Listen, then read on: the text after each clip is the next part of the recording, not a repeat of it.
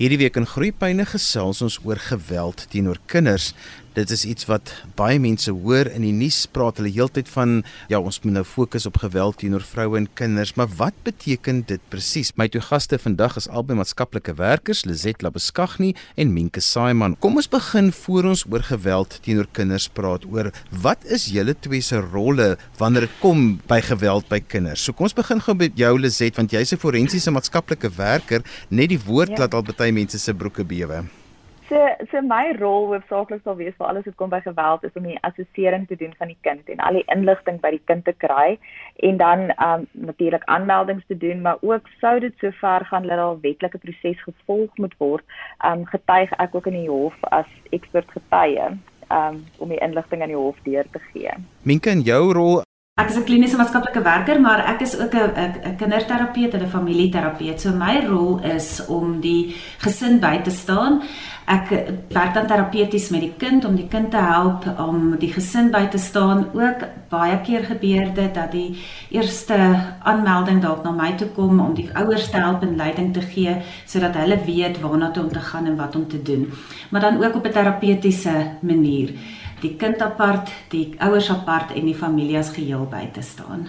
Kom ons begin en verduidelik vir mense presies wat beteken geweld teenoor kinders. Ek dink ons almal as mens dink aan geweld dink maar aan fisiese geweld. Ehm um, so kinders word ehm um, mishandel, ek ek kan nou amper ekstreme goed gebruik soos rarig erg geslaan of gebrand met goed of of so iets. Maar ek dink wat baie mense vergeet en baie keer uitgesluit word uit hierdie definisie is dat um geweld teen kinders is nie noodwendig net fisies nie. Dit kan verbaal wees, dit kan emosioneel wees, dit kan selfs blootstelling wees aan geweld.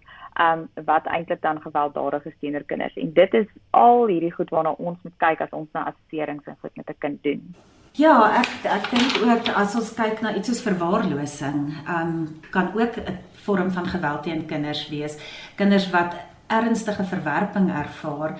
Ehm um, selfs dalk ook waar ouers 'n afhanklikheidsprobleem het, ehm um, kan ons ook klassifiseer as geweld teen kinders, iets soos kinderhandel. Want wat vir my interessant altyd is van die dinamika eh, rondom die goed. As 'n mens met ouers begin praat waar daar van hierdie geweldplegings plaasvind, veral die die stiller goed sal ek maar sê, nie die wat 'n mens kan sien nie, die goed wat 'n bietjie meer onsigbaar is, dan sê die ouers baie keer vir jou maar die kinders sien dit nooit nie. Hulle weet nie daarvan dat daar miskien uh, verbale geweld in die huis is nie. Daar's 'n groot stuk onkunde oor wat is geweld teenoor kinders, Minke.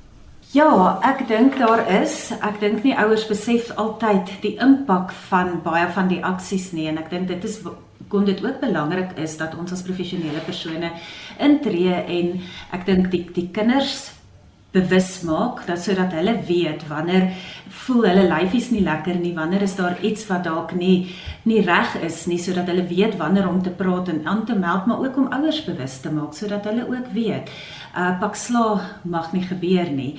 Um en tot watter mate ons dissipline kan hanteer. Wanneer wanneer gaan dit oor in geweld?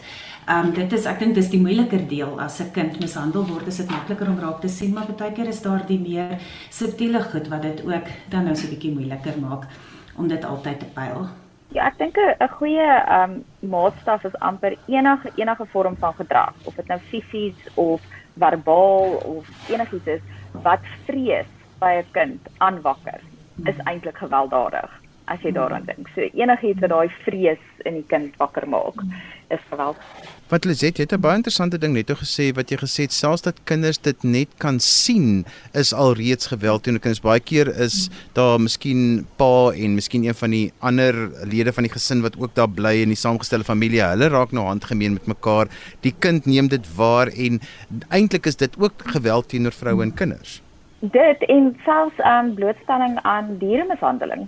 Ehm um, geweld teenoor 'n teenoor 'n dier is is net so erg. so 'n mens kan nie dit uitsluit nie. So ja, 'n blootstelling vas ek laat dit sê blootstelling aan televisie, geweld op die televisie. Ehm um, weet ouderdoms ontoepaslike goed wat kinders na kyk op die televisie is, is kan ook 'n 'n verskriklike impak op 'n kind hê. So wat is die proses as 'n volwassene bewus raak van wat gebeur kind daar word geweld gepleeg? Hoe loop hierdie proses? Ek praat dink aan lyn van onderwysers, miskien is dit 'n ouma of 'n oupa wat hierdie ding op die kant raak sien. Mens wil mos nou baie keer daar's 'n huiwere mens want jy wil ook nou nie eintlik dit doen nie, maar daar's 'n wetlike deel. Hoe hanteer 'n mens dit as jy gevoel vir sê maar jy is ietsie lekkerie, maar jy wil ook nou nie dinge erger maak vir die kind nie? Ek dink dis 'n baie belangrike um, ding wat jy vra en ek dink soos jy sê die onderwysers en mense wat werk met kinders en so is nie altyd bewus daarvan dat hulle het 'n aanmelding te wetlike aanmeldingsverpligting nie. En baie mense is ook maar bang oor wat gaan die reperkusies vir hulle wees as hulle 'n aanmelding maak en daar is dalk nie regtig iets nie. Hulle hulle dink dalk net so. Ehm um, die wetgewing is baie baie duidelik daarop dat jy het 'n aanmeldingsplig selfs al is daar net 'n kommer rondom of daar moontlik iets is, um, moet jy dit aanmeld. En as jy dit aanmeld en dit kom uit dat daar was nie enige iets nie, kan jy nie vervolg word siviel of enige iets nie. Die wet beskerm die die persoon wat die aanmelding maak op die einde van die dag.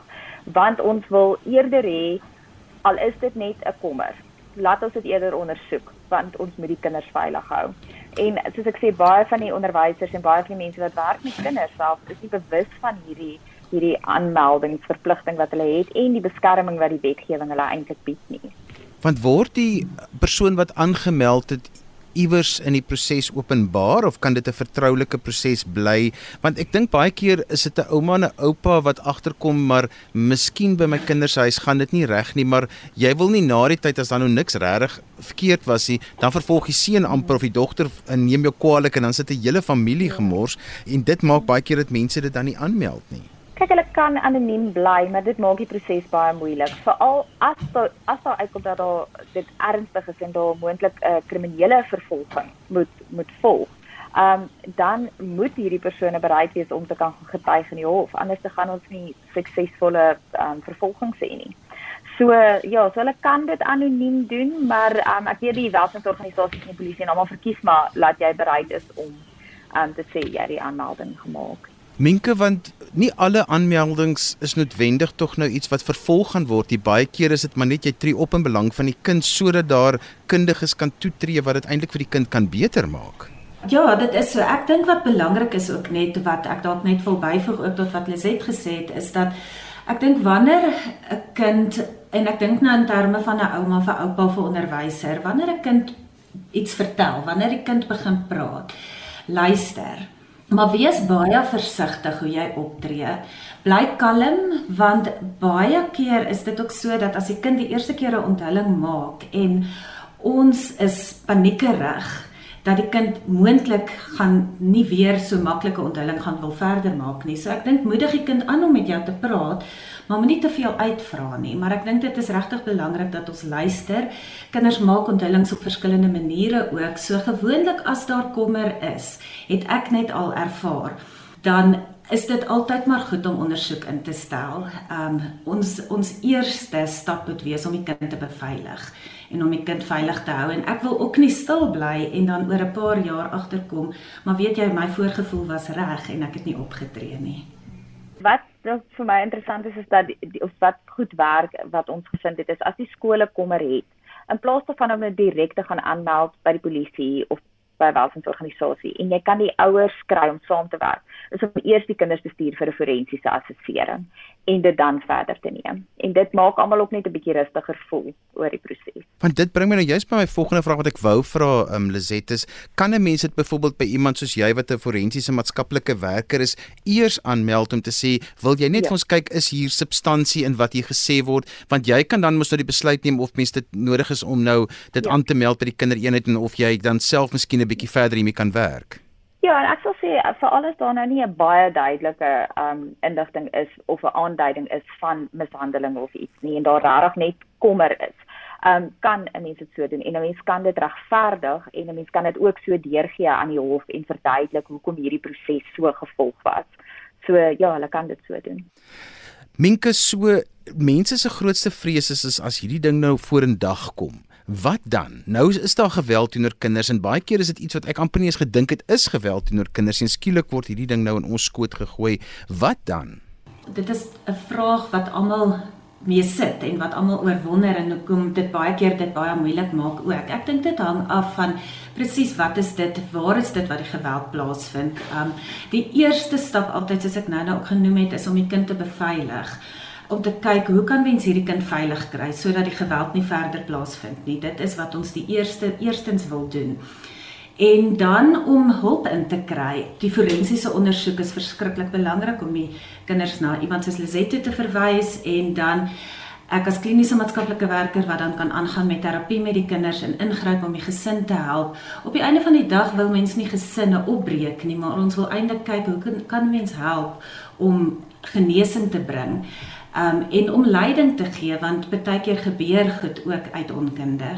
Lizet, want hoe werk die forensiese proses wat jy nou volg as dit by jou aangemeld is? OK, ek begin wat ons altyd noem uh, met 'n pre-forensiese evaluering. So ek sal dan um, met die kind werk. Ek probeer om so min as moontlik inligting te kry voordat ek met die kind begin.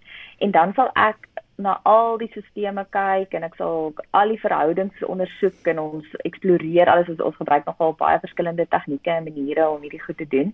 En um dan het ek 'n hele spesifieke uh, deel waar ons fokus op soos 'n 'n screen vir enige vorm van mishandeling of misbruik of enigiets en dan kyk ons maar wat daar uitkom en dan As die kind vir my inligting gee, het ek 'n hele baie spesifieke protokol, onderhoudstruktuur wat gevoer moet word met die kind om al die inligting te kry. En dit is 'n gestruktureerde ding wat gevolg moet word want wat ook al uitkom, as dit in die hof moet ehm um, voorgesit word in die hof, moet ek kan dit verdedig en ek moet kan verdedig hoe ek hierdie inligting gekry. So dit is nie net enige iemand wat dit kan doen nie. Dit is 'n baie baie presiese proses wat gevolg moet word om al hierdie inligting te kry. Ja, ek dink dit is verskriklik belangrik dat hierdie proses reg gevolg moet word van die begin af. En um, ek dink dit is ook wat hoekom dit belangrik is en, en nodig is dat mense ingelig moet word oor hoe hierdie hoe om hierdie proses te volg. Baie keer gebeur dit in praktyk het ek al gesien dit gebeur baie keer dat onthullings gemaak word by die skool teenoor onderwysers. En dit is so belangrik hoe daai onderwyser byvoorbeeld gaan optree wanneer die onthulling gemaak word en om dan die regte proses te kan aktiveer en in in in plek te sit en te sorg dat alles dan reg loop. Lizet van jy het net verwys dat die eerste stap is om die kind te beveilig. Nou vir baie mense hoor dan onmiddellik die kinders word nou weggevat. So wat bedoel ja. jy met daai kind word beveilig? wat lekker werk is, is as ons saam met die welsynsorganisasies kan werk. As daar regtig regtig 'n uh, ernstige kommer is oor die kind se veiligheid, sal ons die welsynsorganisasies betrek en hulle sal 'n ondersoek doen by die huis. Nou so ver as moontlik probeer ons families bymekaar hou. Mens wil nie gesinne opbreek nie. Ehm um, so daar sal gekyk word na die stelsel. En as dit miskien een spesifieke mens in die gesin is wat die wat die probleem is, kan 'n mens dalk eerder kyk of kan hulle vir 'n rukkie uittrek terwyl ons die ondersoek voltooi, laat ons eers al die inligting kry. Um of is daar nie 'n familielid by wie die kind vir 'n vir 'n rukkie kan gaan woon totdat ons alles in plek kry het. So so ver as moontlik probeer ons die kinders by die huise hou en by hulle gesinne hou. Minke want ek wil baie graag weet oor as jy nou familieterapie doen na aanleiding van die geweld teenoor kinders, is daar 'n manier hoe dit omgeswaai kan word, hoe dit reggemaak kan word en dat families eintlik dan weer by mekaar kan uitkom en en 'n lang pad met mekaar stap of is dit as dit gebeur het, is dit verby? Ek dink dit dit hang af van elke situasie individueel dat 'n mens dit gaan gaan met evalueer en kyk wat is die prognose en wat is die kans. Maar dit is dit is wat ons wil hê. En ek dink soos Liset genoem het ook nou dat baie keer is dit een persoon wat die probleem in die gesin is maar die ander mense almal kry swaar as gevolg daarvan. So ons kan dan kyk hoe hoe kan mens die stelsel so probeer bestuur um dat 'n mens die ouer en die kind wat waar daar wel 'n goeie verhouding kan wees dat mense hulle kan ondersteun. En want op die einde van die dag is dit vir die kind ook die kind het nie noodwendig slegte verhoudings met almal in die familie nie. En mense wil graag daai verhoudings wat wel gered kan word en aangewerk kan word wil mense hou want dis dit en en versterk want dit is baie kosbaar Lizet, kinders het nie altyd die taal om vir jou te sê wat gaan aan by die huis nie. Um hulle sê dit op ander maniere en dis nogal nodig dat mense as 'n volwassene moet bewus wees van die maniere waarop kinders vir jou sê uh, hoor my hart. So hoe hoe word dit gedoen? Wel, met baie geduld en 'n mens moet hulle die, die geleentheid skep vir 'n kind om vir jou te kan hulle storie vertel op 'n manier wat hulle nodig het om dit te vertel. En dan moet 'n mens dit van daar af vat baie soos jy sê kinders sê baie keer vreemde goed en um baie volwassenes hoor nie wat die kinders vir hulle gesê het nie. Um en dis hoekom in hierdie evalueringsproses word daar baie geleenthede geskep vir 'n kind om inligting deur te gee op verskillende maniere. Um ons sal verskillende media gebruik en verskillende um tegnieke um implementeer om die inligting te kry. Um maar soos ek sê, jy moet maar rustig wees en daar's 'n spesifieke proses en protokol wat volg en en spesifieke tipe vrae wat gevra moet word. Jy moet ook jy moet as die evalueerder moet natuurlik baie kennis hê oor ontwikkelingsfases om ook te weet watse tipe inligting jy kan verwag van 'n 2-jarige ehm um, teenoor watse tipe inligting 'n 16-jarige vir jou gaan kan gee. So jy jy moet bewus wees daarvan en en jou verwagtinge rondom dit ook aanpas sodat jy kan weet wat wat om te verwag in die sessie. Ek wil dalk ook net hier intree en sê dat wanneer kinders onthullings maak, is dit nie noodwendig altyd dat hulle gaan kom en gaan sê hierdie en hierdie en hierdie het gebeur nie. Baie keer is die onthullings baie indirek wat hulle maak. Dit kan byvoorbeeld iets so sê soos my neef pla my die hele tyd of Ehm um, ek het 'n probleem, as ek jou vertel, moet jy beloof om vir niemand te vertel nie. So daar's baie indirekte maniere. So ek dink ook dis dis nodig en belangrik dat 'n mens mooi luister en en kalm bly en luister en die kind geleentheid gee om te praat want baie keer as hulle sien ek maar niemand niemand vang wat ek probeer sê nie, dan gaan hulle stil bly en dink hulle is verkeerd. Kinders sal ook baie uh, baie vinnig iets ontken wat eintlik gebeur my pappa gee nie vir my bakplan nie of ehm um, jy weet so iets en dit is gewoonlik wat 'n mens dan dit moet begin verder eksploreer. As hulle dit ewe skielik net spontaan ontken, dan erken hulle eintlik dat dit is wat besig is om te gebeur. Ja, as hulle verskoning maak, ek dink mense sien dit baie ja. keer ook dat ons maak ja. verskonings ja. van ek um, niks het gebeur nie of moenie vir my ma sê nie of so iets, ja. Mm. Iets wat my bekommer is die feit dat baie keer as 'n mens nou die fisieke geweld kan 'n mens sien. Jy sien die blou kolle, jy sien die mm. besering, maar die ander forme van geweld kan 'n mens nie sien nie. En dit bly vir my 'n bekommernis want baie keer is die ma byvoorbeeld ook bewus van die verbale geweld, maar sy dink eintlik is net 'n uh, fisiese geweld wat aangemeld moet word. Sy besef nie dat mens ook moet kyk na die verbale geweld of alle ander forme van geweld wat daar is nie. Kan 'n ma aanspreeklik wees as sy hierdie dit net toelaat dat hierdie verbale geweld so aangaan? Sy kan, maar nou moet jy ook onthou dat as as sy in hierdie stelsel is, is sy heel waarskynlik dan ook 'n slagoffer. So 'n mens neem tog hierdie goed in ag en 'n mens moet kyk na die hele dinamika van van 'n uh, 'n huis waarin geweld is. Um die die impak daarop, die die emosionele impak, die die manipulasie, baie emosionele manipulasie en goed wat daarmee saamgaan. So al so behalwe as ek wil amper sê sy blaatant deelneem daaraan of net dit blaatant ignoreer en sy nie self ook deel is van die um 'n slagoffer is nie, um sal sy nie sommer aanspreeklik gehou word nie, maar sy kan aanspreeklik gehou word. Minke baie keer en dink mense dit gebeur net met mense wat onder baie moeilike omstandighede uh, leef en allerlei uitdagings het, maar hierdie tref alle lae van die samelewing.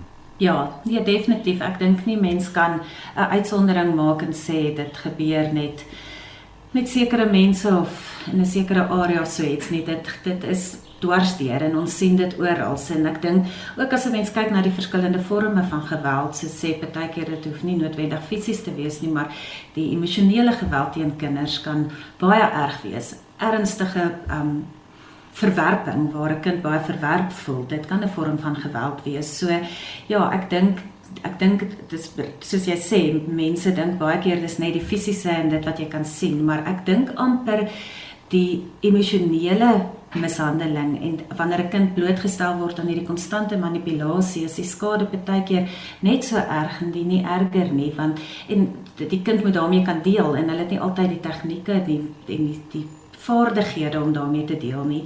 En baie keer kan hierdie skade wat as kind dan aangerig word of aangerig word aan die kind, sien ons later in die volwasse lewe ook. Nou ons is nou in die tyd waarin ons fokus juis op geweld teenoor vroue en kinders. So ek wil by elkeen van julle net so 'n slotgedagte hê van wat is die ding wat 'n mens nou op moet fokus en wat van weet en dan ook as mense met julle verder gesels, hoe kan hulle kontak maak? Kom ons begin sommer by jou Minke.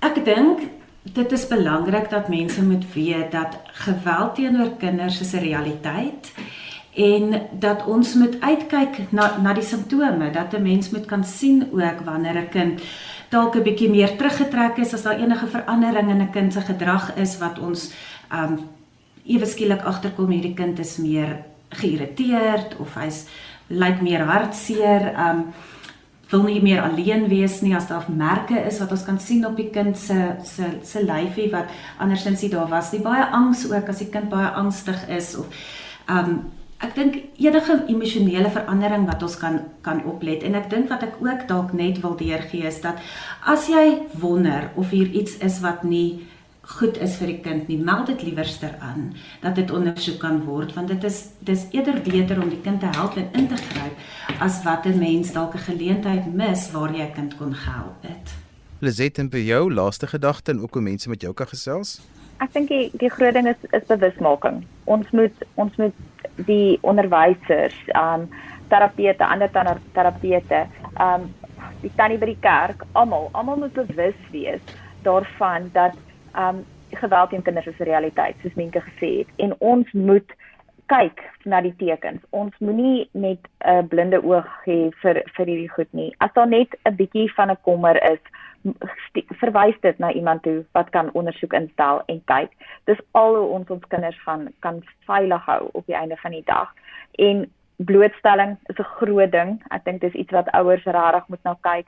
Um televisie, internet, dit dit het 'n verskriklike impak op ons kinders um se emosionele welstand en ouers moet meer bewus wees van dit ook as hulle wil kontak maak by met my en Minke, ons is altyd by die Minke Simon um, Child and Family Center in in Northcliff. So hulle kan op ons webwerf gaan kyk en hulle kan kontak maak met ons daar.